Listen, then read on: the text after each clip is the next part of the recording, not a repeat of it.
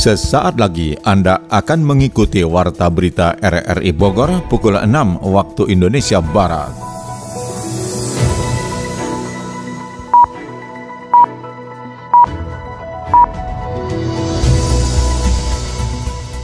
Selamat pagi. Saudara, kita kembali bersua lewat Warta Berita Minggu 20 Agustus 2023. Berita akhir pekan kami isi dengan rangkuman berita sepekan. Siaran ini juga dapat Anda dengarkan melalui audio streaming RRI Playgo dan dapat Anda dengarkan kembali lewat podcast kami di Spotify, Anchor, Podtail, dan Google Podcast. Bersama saya Mukhlis Abdillah, inilah rangkuman berita sepekan selengkapnya.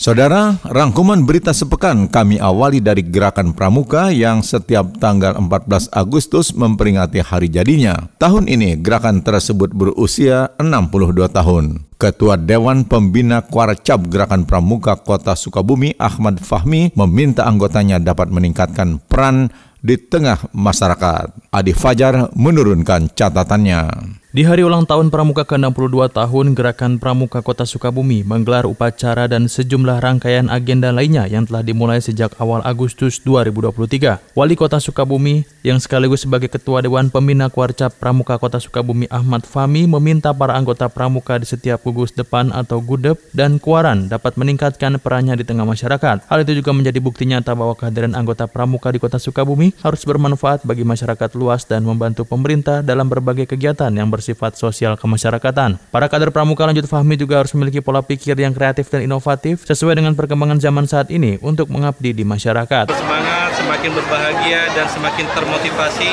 untuk mengikuti kegiatan pramuka. Ya harapannya bagaimana mereka tumbuh menjadi generasi muda yang inovatif, yang kreatif, dan juga memiliki budi pekerti yang terbaik. Sehingga kota ini akan tetap menjadi kota yang bermartabat dengan kehadiran mereka. Fahmi pun berharap para anggota pramuka dapat terus berinovasi dan berkreasi, serta menjadi duta perubahan di tengah-tengah masyarakat. Mereka nantinya akan menjadi kader pemimpin di masa mendatang untuk membangun kota Sukabumi yang lebih maju. Sementara itu, Gerakan Pramuka Kabupaten Bogor terus melakukan berbagai kegiatan sebagai bentuk meningkatkan semangat untuk meraih yang terbaik di tingkat Jawa Barat dan nasional. Berikut catatan Sony Agung Saputra. Hari jadi Gerakan Pramuka ke-62 dengan tema sumber daya manusia yang profesional dan proporsional menjadi penyemangat bagi anggota pramuka di kota dan kabupaten Bogor. Hal itu terlihat saat adanya bincang pagi RRI Bogor Senin pagi yang menghadirkan pengurus kuartir cabang pramuka kota Kabupaten Bogor. Sekretaris cabang Gerakan Pramuka Kota Bogor Nurwali menjelaskan saat ini sudah banyak kegiatan gerakan pramuka di wilayahnya bahkan merebut sebagai kuartir tergiat se-Jawa Barat. Pembentukan pramuka Garuda dan mengikut sertakan anggota ke berbagai berbagai jambore tingkat provinsi, nasional, bahkan internasional seperti berlangsung di Korea Selatan menjadi salah satu kegiatan meningkatkan mutu dan kualitas sumber daya manusia. Untuk pertama kalinya Gerakan Pramuka Kota Bogor mengirimkan anggota mengikuti jambore internasional di Korea Selatan dengan adanya 18 orang yang berangkat dari tanggal 1 hingga 12 Agustus mengikutkan berbagai kegiatan tingkat internasional yang diliput oleh media mancanegara. Ini sepanjang dalam sejarah kami bisa mengirimkan hampir 18 orang ke sana lebih kurang dari sekolah SMA ITB Mulkuro dan mereka uh, tadi dengan gadget ini kak. Tidak ada batas antara Indonesia dan Korea. Kami juga tugaskan kita okay. latih dari dua orang di antara mereka sebagai kontributor TV Pramuka. Dan itu kita juga setiap hari ada komunikasi dengan mereka. Dan salah satunya itu alhamdulillah dari salah satu TV asing juga memberikan kontribusi berita kak. Dengan full uh, apa English version lah. Tuh kemudian kita ada Rimuna Nasional mulai hari ini kegiatannya kita kirim. Yang terbesar juga ada jasa Putra putra putri sekitar 48 orang mereka berangkat. Kemudian kegiatan di Kota Bogor sendiri kami tanggal 18 apel besarnya. Sementara itu dari Gerakan Pramuka Kabupaten Bogor juga terus melakukan berbagai kegiatan sebagai bentuk meningkatkan semangat dari anggota Pramuka meraih yang terbaik di tingkat Jawa Barat dan nasional. Sekretaris Cabang Gerakan Pramuka Kabupaten Bogor Ahmad Kosasih mengungkapkan saat ini mencetak ribuan kader Pramuka Garuda yang akan menjadi penggerak di 40 kecamatan. Wilayah Tegar Beriman yang luas dengan 40 kecamatan menuntut adanya kader yang bisa menjangkau semua lapisan masyarakat sehingga Pramuka Garuda menjadi salah satu andalan untuk meningkatkan prestasi. Jadi fokus utama kami sampai 2025 nanti kami mencetak 10.000 Pramuka Garuda punya target dan 15.000 pembina lulusan kursus baik mahir dasar maupun mahir lanjutan. Karena ketika kita berbicara kualitas dan kuantitas peserta didik, maka ini harus dibarengi dengan kualitas dan kuantitas sumber didiknya. Ya memang ada beberapa kuartir ranting yang pramukanya agak kurang, ada yang menonjol. Saya pikir eh, ini bagian dari dinamika dan menjadi tanggung jawab kami untuk bisa membagi rata setiap kegiatan di kuartir ranting. Karena men untuk menjangkau 40 kecamatan ini sangatlah tidak, tidak mudah. mudah. Dari ujung barat, timur, selatan, luar biasa eh, butuh waktu. Pramuka di Kota Bogor dan Kabupaten Bogor juga terus melakukan kegiatan untuk membentuk karakter anggota menjadi disiplin, tanggung jawab, dan kepedulian sehingga bisa menjadi pemimpin Indonesia di saat generasi yang akan datang. Sebanyak 281 hunian tetap segera dibangun Pemkab Sukabumi yang diperuntukkan bagi warga penyintas bencana tanah bergerak di Kecamatan Nyalindung. Catatan selengkapnya disampaikan Adi Fajar. Badan Penanggulangan Bencana Daerah BPBD Kabupaten Sukabumi tengah melakukan persiapan untuk membangun hunian tetap atau huntap bagi warga terdampak bencana pergeseran tanah di wilayah Kecamatan Nyalindung. Kepala Pelaksana BPBD Kabupaten Sukabumi Wawan Godawan mengungkapkan, di tahun ini ada dua titik lokasi pembangunan huntap yakni 152 unit di Desa Ciherang Cijangkar dan 129 unit di Desa Kertang sana. Urgensi pembangunan huntap bagi warga terdampak dikarenakan lokasi tempat tinggal warga sebelumnya sudah tidak relevan untuk dihuni sebab berdasarkan kajian dan rekomendasi dari ahli geologi bahwa wilayah Dusun Ciharang, Desa Cijangkar, dan Desa Mekarsari zona merah pergerakan tanah. Wawan menyebut program pembangunan Huntap merupakan kolaborasi antara BNPB, pemerintah daerah bersama Yayasan Daurut Tauhid. Hasil kajian geologinya tidak memungkinkan lahan asal mereka dibangun lagi rumah baik oleh mandiri maupun itu. Itulah pentingnya kita melakukan uh, kolaborasi ya.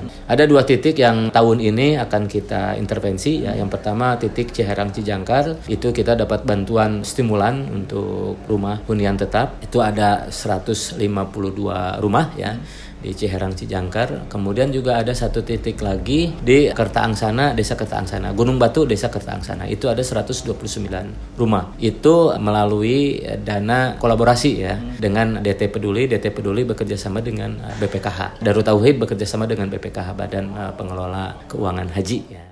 Nantinya huntap itu akan dibangun di lahan seluas 4,8 hektar yang berlokasi di Kampung Baru Cibulu, Desa Cijangkar, Kecamatan Nyalindung. Sementara itu Wawan menambahkan terdapat wilayah lain yang rencananya akan dilakukan pembangunan huntap, yakni di Desa Pasir Suran, Kecamatan Pelabuhan Ratu. Direncanakan Pemkap Sukabumi akan membangun sedikitnya 200 rumah pada tahun 2024 mendatang. Ada yang kita coba akan lakukan relokasi itu Pasir Suren, Nyalindung, Desa Pasir Suren, Pelabuhan Ratu. Itu catatan kita lebih dari 200 rumah. 200 rumah karena memang lokasi itu yang terdampaknya memang belum sampai itu. Tetapi di wilayah itu adalah zona merah yang mungkin karena ini sifat pergerakan lambat ya itu pasti kalau di ini dengan curah hujan tinggi pasti ada pergerakan-pergerakan. Badan Nasional Penanggulangan Bencana BNPB pun telah menyiapkan bantuan sebesar 7,6 miliar rupiah untuk pembangunan huntap tersebut. Nantinya ada beberapa jenis bentuk rumah untuk pembangunan huntap yang sudah direkomendasikan Kementerian PUPR. Di antaranya jenis rumah instan sederhana sehat atau RISHA, rumah kayu instan atau RIKA, rumah tahan gempa atau RTG, dan rumah Banua Tadulako. Pak, hmm. bentar lagi kan kita anniversary nih. Hmm. Liburan yuk. Boleh. Asik, keluar negeri ya? Aduh, ngapain sih keluar negeri mah? Di Indonesia kan banyak tempat wisata. Kita kan belum pernah ke tempat yang keren-keren. Jadi bagus gitu loh, Pak, kalau posting di media sosial. Emangnya Mama mau wisata ke mana sih? Mau ke pantai? Mau. Itu ada Labuan Bajo tuh, dijuluki kota seribu sunset. Kalau misalnya Mama mau ke cagar alam eksotis, nggak usah jauh-jauh ke Afrika. Kita ke Savana Bekol aja di situ Bondo, yang jadi bagian dari Taman Nasional Baluran. Atau misalnya nih, hmm. Mama mau trekking kayak tembok besar Cina gitu. Ada. Ada. Namanya Janjang Koto Gadang, yang punya julukan The Great Wall-nya Sumatera Barat. Oh, ternyata seru juga ya keliling Indonesia ya. Kapan nih kita berangkatnya? Cinta Indonesia bukan cuma mengenal budaya dan keseniannya saja, tapi juga ikut berkontribusi memajukan pariwisatanya. Liburan di Indonesia aja. KPU Kota Bogor telah menerima data 833 bacaleg dari 17 parpol, 795 di antaranya lolos seleksi administrasi untuk mengikuti tahapan penyusunan daftar calon sementara. Sony Agung Saputra menurunkan catatannya. KPU Kota Bogor menerima hasil perbaikan bakal calon legislatif Bacalek yang berlangsung dari 17 parpol sampai dengan tanggal 13 Agustus 2023. Kemudian mulai Senin pagi ini KPU melakukan sejumlah proses menuju daftar caleg sementara atau DCS. Ketua KPU Kota Bogor Samsudin menjelaskan sejak awal pihaknya menerima sebanyak 833 bakal calon legislatif dari 17 parpol. Kemudian di masa perbaikan terdapat 795 bakal calon legislatif yang dilanjutkan oleh partai politik untuk mengikuti tahapan penyusunan daftar calon sementara atau DCS. Dari jumlah tersebut selain memperbaiki berkas partai politik melakukan pergantian caleg, perubahan nomor urut hingga memindahkan dari satu daerah pemilihan ke daerah pemilihan dalam wilayah Kota Bogor. Setelah kami melakukan proses penerimaan, perbaikan, kemudian pergantian bacaleg dan pergantian nomor urut serta pergantian dapil, kami saat ini melakukan proses pencermatan penyusunan DCS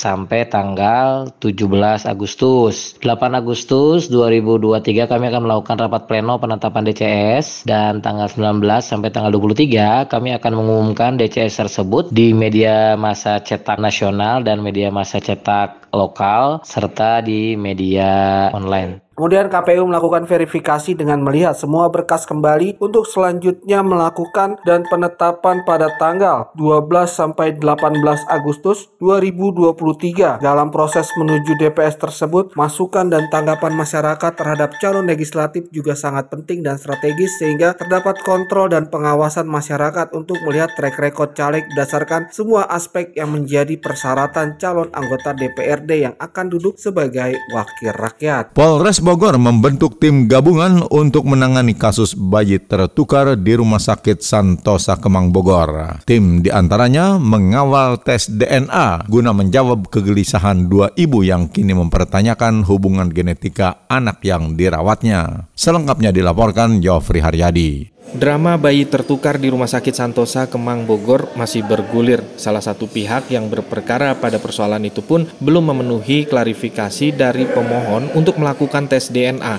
terhadap bayi yang dirawat oleh Ibu D. Kasih Humas Polres Bogor Ibtu Desi Triana mengatakan Polres Bogor melalui Satgas yang dibentuk terdiri dari Satreskrim, Intelkam, Patroli Siber, dan Trauma Healing Urkes memfasilitasi tes DNA terutama kepada Ibu D yang sebelumnya telah dimintai klarifikasi oleh pihak Polres Bogor. Melalui hasil tes DNA yang dilakukan nantinya diharapkan ada titik temu antara kedua belah pihak sekaligus menjawab kegelisahan dua ibu yang kini mempertanyakan hubungan genetika anak yang dirawatnya itu. Satreskrim Polres Bogor membuat surat undangan klarifikasi kepada pihak rumah sakit dan Ibu D yang e, belum mau melakukan tes DNA. Saat ini sudah dilakukan, e, semoga ada titik terang di mana pihak e, Ibu D tersebut mau dilakukan tes DNA dengan bekerja sama pihak rumah sakit Polres Bogor yang akan memfasilitasi biaya tes DNA tersebut. Pihak dari Ibu Siti Mulia sendiri sudah melakukan tes DNA bersama dengan anak laki-laki yang usianya kurang lebih satu tahun yang lahir sekitar 22 Juli 2022 lalu. Ibu Siti menyayangi dengan sepenuh hati selama setahun lebih ini membesarkan anak laki-laki tersebut. Meski merujuk pada pihak lain yang diduga merawat anak kandungnya, namun pihak pelapor menyerahkan keputusan akhir kepada aparat kepolisian. Partai politik peserta pemilu legislatif 2024 mengikuti deklarasi damai di Mapol Resta Bogor Kota seperti dilaporkan Sony Agung Saputra.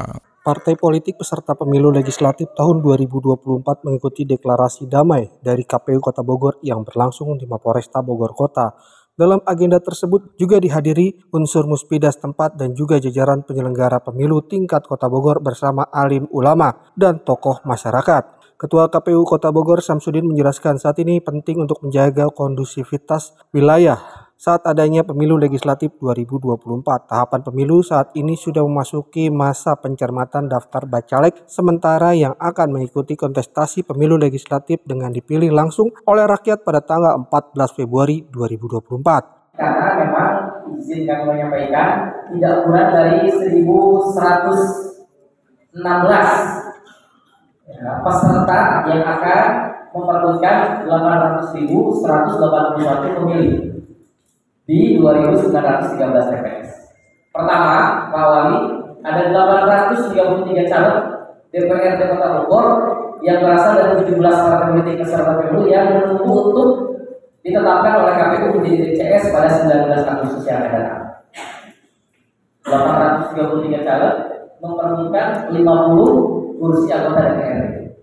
Jadi kursinya Pak Heri Cahyono yang hari ini sedang diduduki beliau, Bu Ana, ya, kemudian ini diperbutkan oleh 16 caleg. Itu 833. Kemudian ada 54 caleg DPRD provinsi. Kemudian ada 162 caleg DPR RI. Tadi saya ada kamar. Sementara itu, Ketua Forum Kerukunan Umat Beragama FKUB Kota Bogor Hasbulo mengungkapkan sikap alim ulama dan tokoh agama juga harus netral dalam menghadapi pemilu 2024. FKUB akan bersama dengan tokoh masyarakat dan agama mengawal berlangsungnya pemilu damai khususnya di Kota Bogor sehingga masyarakat bisa memilih lebih cerdas dalam memilih semua wakil rakyat tanpa menggunakan isu SARA. Sedangkan untuk tokoh masyarakat juga dihimbau memberikan edukasi kepada seluruh elemen untuk bisa mengajak masyarakat berpartisipasi menyalurkan hak suaranya. Dari pernyataan Pak Wali Kota disampaikan bahwa tokoh yang paling didengar oleh masyarakat dalam pilihan politik adalah tokoh agama. Maka deklarasi damai ini menjadi penting dan akan kami sosialisasikan untuk para tokoh agama. Jadi, hal yang berbau sara ya? Ya, sehingga hal-hal yang berbau sara ini jangan sampai juga menyasar pernyataan-pernyataan tokoh agama. Yang akan kami bentengi adalah agar tokoh agama selalu jernih melihat berbagai persoalan. Selanjutnya KPU bersama TNI Polri akan terus mengawal jalannya pemilu tingkat Kota Bogor sehingga masyarakat dapat memilih dengan aman dan nyaman menghasilkan wakil rakyat terbaik. Saudara, Anda tengah mengikuti rangkuman berita sepekan dari Radio Republik Indonesia Bogor. Lebih dari 54 ribu jiwa di sedikitnya 13 kecamatan di Kabupaten Bogor terdampak kekeringan. Warga yang terdampak di antaranya mengalami kekeringan sumber mata air hingga membuat kering lahan pertanian. Kita simak catatan Adi Fajar. Pemerintah Kabupaten Bogor menetapkan status siaga bencana kekeringan dan kebakaran hutan. Status itu dikeluarkan melalui surat edaran PLT Bupati Bogor Iwan Setiawan tentang siaga darurat bencana kekeringan serta kebakaran hutan dan lahan di wilayah Kabupaten Bogor. BPBD Kabupaten Bogor sebagai leading sektor penanggulangan bencana telah berkoordinasi dengan BMKG sebagai tindak lanjut dari analisis data yang dilakukan Stasiun Klimatologi Jawa Barat serta mempertimbangkan kondisi wilayah yang berpotensi mengalami kekeringan, seperti yang dijelaskan Kepala Bidang Kesiapsiagaan Bencana BPBD Kabupaten Bogor, Agus Suyatna. Dari kekeringan ini kita sudah berdampak ya eh, terhadap 16.960 kakak dengan 54.691 jiwa nih yang terdampak kekeringan ya. Karena ini ada fenomena El Nino sehingga ini sampai dengan hari ini belum belum turun hujan. Mudah-mudahan uh, di September ini juga terjadi hujan menjadi jadi solusi juga. BPBD lanjut Agus mencatat ada 33 desa di 13 kecamatan di Kabupaten Bogor yang mengalami kekeringan. Adapun wilayah yang paling banyak terjadi kekeringan berada di wilayah barat Kabupaten Bogor dengan rincian 10 desa di Kecamatan Jasinga, 4 desa di Kecamatan Sukajaya, 4 desa di Kecamatan Nanggung, dua desa di Kecamatan Luwisadeng, dan satu desa di Kecamatan Tenjo. Pemerintah Kabupaten Bogor melalui BPBD kita sudah menyalurkan air bersih sebanyak uh, kurang lebih 520 ribu liter. Karena kalau Tenjo kita kan kapasitasnya 5 ribu liter ya. Nah, kita ada armada 4 itu setiap hari memang kita sudah mengirim ya. PLT Bupati Bogor Iwan Setiawan juga memerintahkan seluruh kepala perangkat daerah camat, dan kepala desa atau lurah sekabupaten Bogor agar aktif melakukan monitoring dan memetakan wilayah yang terdampak dan berpotensi mengalami kekeringan. Sejauh ini langkah penanganan yang dilakukan Pemkap Bogor yakni dengan mendistribusikan air bersih kepada masyarakat yang telah diajukan melalui kepala desa masing-masing. Dalam rangkaian peringatan HUT ke-78 RI, Taman Safari Indonesia Cisarua Bogor melepas enam ekor komodo ke habitatnya di Cagar Alam Waiwul, Kabupaten Manggarai Barat, NTT. Kita simak catatan Yofri Haryadi. Jumlah populasi komodo di Indonesia terancam. Hewan predator kanibal yang hanya terdapat di Pulau Manggarai, Barat, Nusa Tenggara Timur jumlahnya sekitar 3.000 ekor dan mengalami penurunan populasi yang disebabkan sedikitnya makanan di habitat asalnya dan tidak sedikit reptil purba itu pun memangsa kawanannya sendiri. Dalam rangkaian peringatan HUT RI ke-78 ini, Taman Safari Indonesia melepas liarkan 6 ekor komodo ke habitatnya di Cagar Alam Waiwul, Kabupaten Manggarai Barat, Nusa Tenggara Timur NTT. Direktur Taman Safari Indonesia Jansen Manangsang mengatakan koleksi komodo di Taman Safari Indonesia dari 34 ekor kini menjadi 28 ekor. Selain dilepas liarkan di habitat asalnya, beberapa koleksi komodo yang dimiliki juga diberikan pada kebun binatang Ragunan dan Taman Mini Indonesia. Dari kecil dari telur sampai sekarang bahkan kenapa dilepaskan ke agar alam wild itu dulu datangnya dari sana. Jadi ya dari sini saya mau bantu dan juga dari bapak. Pak know, memang kita komodo kita tuh asli ketahuan daripada breedingnya siapa parentnya induknya kita tahu. Kalau yang lain mungkin masih tanda tanya. Jadi mungkin sudah ada kawin bersaudara seperti ini betul-betul diteliti dan dicatat semuanya. Di Taman Sarsi masih ada 30, 20, 30, 28 28 di Bali bisa 53 lalu di Rian ada kurang lebih 70 dan dua ekor diserahkan dibakar kepada kebun tahunan karena mereka tidak punya lagi dua kita serahkan ke Taman Mini Indonesia Selain komodo, sebelumnya pelepas liaran satwa langka juga pernah dilakukan dengan jenis burung elang Jawa. Pelepas liaran komodo itu pun telah melewati sejumlah treatment, yakni adaptasi hidup di alam liar dengan melatih kemampuan bertahan hidup seperti berburu dan beradaptasi dengan perubahan suhu udara dan cuaca. Sekretaris Direktorat Jenderal Konservasi Sumber Daya Alam dan Ekosistem Kementerian Lingkungan Hidup Suharyono mengatakan ternyata tidak hanya di Indonesia saja, beberapa kebun binatang di luar negeri juga memiliki koleksi komodo namun belum tercatat pasti jumlah yang dibudidayakannya. Red list termasuk endangered. endangered. Namun demikian spesies ini termasuk perlu mendapatkan perhatian yang besar karena sebaran habitat alaminya yang terbatas yaitu seperti tadi disampaikan hanya di Taman Nasional Komodo dan di sekitarnya yaitu di sekitar uh, Pulau Flores. Berdasarkan data strategi rencana aksi Biawak Komodo tahun 2021 sampai 2030 menyebutkan bahwa populasi biawak komodo di seluruh Taman Nasional Komodo masih berada dalam yaitu dalam kisaran 2000 sampai 3000 ekor. Salah seorang penjaga dan perawat komodo, Imam Purwadi, mengungkapkan komodo yang akan dilepas liarkan tidak diberi makan selama lima minggu untuk mengasah naluri berburu dan daya tahan tubuhnya. Meski terjadi persaingan di habitat asalnya di TSI, komodo akan tetap terpelihara dengan rekayasa suhu menyerupai habitat asalnya. Berantem, berantem dulu mereka oh, biasanya berantem. Kalau jantannya kalah nggak mungkin akan kawin. Patokannya, cirinya jantan kalah lukanya ini jantannya kabur nggak akan terjadi perkawinan. Oh. Jadi biasanya berdasarkan bulan gitu ya dari Juni Juli kita sudah lihat tadi ya kita lihat kita persiapkan periksa folikelnya di USG lihat terjadi pertumbuhan folikel yang bagus, estrusnya bagus, baru kita pasangin. Karena kalau itu nggak terbentuk, satunya nafsu, satunya nggak, ya hancur. Ini bulanan, oh, tahun, siklusnya tahun, gitu ya, setahun sekali. Nah itu makanya. Tahun depan Iya, tahun depan bisa jadi. Tapi harus timingnya pas. Timingnya kalau nggak pas, sekali gigit leher yang betina juga bisa putus. Suhu di dalam ruangan yang dihuni reptil endemik Indonesia di Taman Safari tersebut sekitar 40 derajat Celcius dengan lantai berpasir, berbatu serta memiliki sumber air mengalir. Pada saat musim kawin, komodo jantan dan betina bertarung. Jika satu di antaranya terluka, maka tidak terjadi pembuahan. Pemkab Sukabumi berharap dengan dibukanya tol Bocimi seksi 2 ruas Cigombong Parungkuda dapat meningkatkan kunjungan wisatawan ke wilayahnya. Berikut catatan Adi Fajar. Dibukanya tol Bocimi Seksi 2 ruas Cigombong Parung Kuda berpotensi meningkatkan kunjungan wisatawan ke Sukabumi. Jarak tempuh dari Jakarta menuju Sukabumi melalui exit tol Parung Kuda pun semakin singkat hanya sekitar 2 jam membuat aksesibilitas masyarakat yang hendak berwisata ke Sukabumi semakin mudah. Kepala Bidang Destinasi Pariwisata Dinas Pariwisata Kabupaten Sukabumi Adang Hidayat mengungkapkan, pasca dibukanya akses tol Parung Kuda, sejumlah titik pariwisata sudah terlihat adanya peningkatan kunjungan.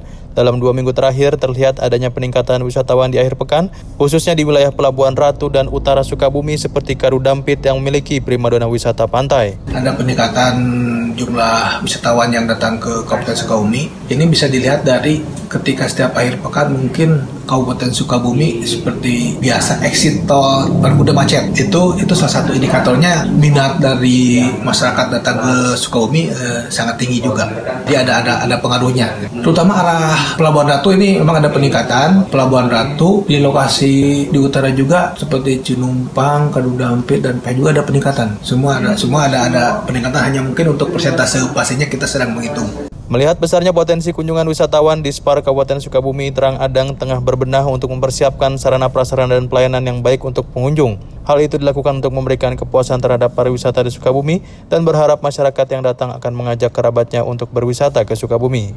Kami melihat bahwa potensi jumlah wisatawan akan meningkat ke Kabupaten Sukabumi dengan akses yang lebih mudah dari Jakarta atau dari Bogor atau dari luar Sukabumi untuk masuk ke Sukabumi. Ini tentu akan membuat kami akan berbenah, berbenah bagaimana untuk memberikan pelayanan kepada masyarakat. Di antaranya kami akan lebih mengoptimalkan lokasi-lokasi atau destinasi-destinasi wisata yang ada di Kabupaten Sukabumi sehingga ketika mereka datang, mereka akan puas dengan tempat yang mereka kunjungi. Kami berharap mereka akan istilahnya kembali lagi ke lokasi di Kabupaten Sukabumi Xiaomi dan secara tidak langsung mereka akan mempromosikan kepada teman-teman atau kepada rekan-rekan yang yang belum datang Ian Sebastian, salah seorang pengolah hotel di Pelabuhan Ratu mengaku dalam dua minggu terakhir okupansi di hotelnya meningkat cukup signifikan mencapai 50 persen. Ia pun bersyukur atas pembangunan infrastruktur yang dilakukan pemerintah yang dapat mendorong perekonomian pelaku usaha dan wisata di Sukabumi. Dua minggu ini memang ada peningkatan untuk weekend ya, udah bagus lah sekarang ya, tapi nggak belum pol benar. Pernah kami sebelumnya itu sampai kosong nol itu sering itu begitu. Tapi sekarang udah ada peningkatan udah bagus dengan dibukanya tol Bocimi itu ya.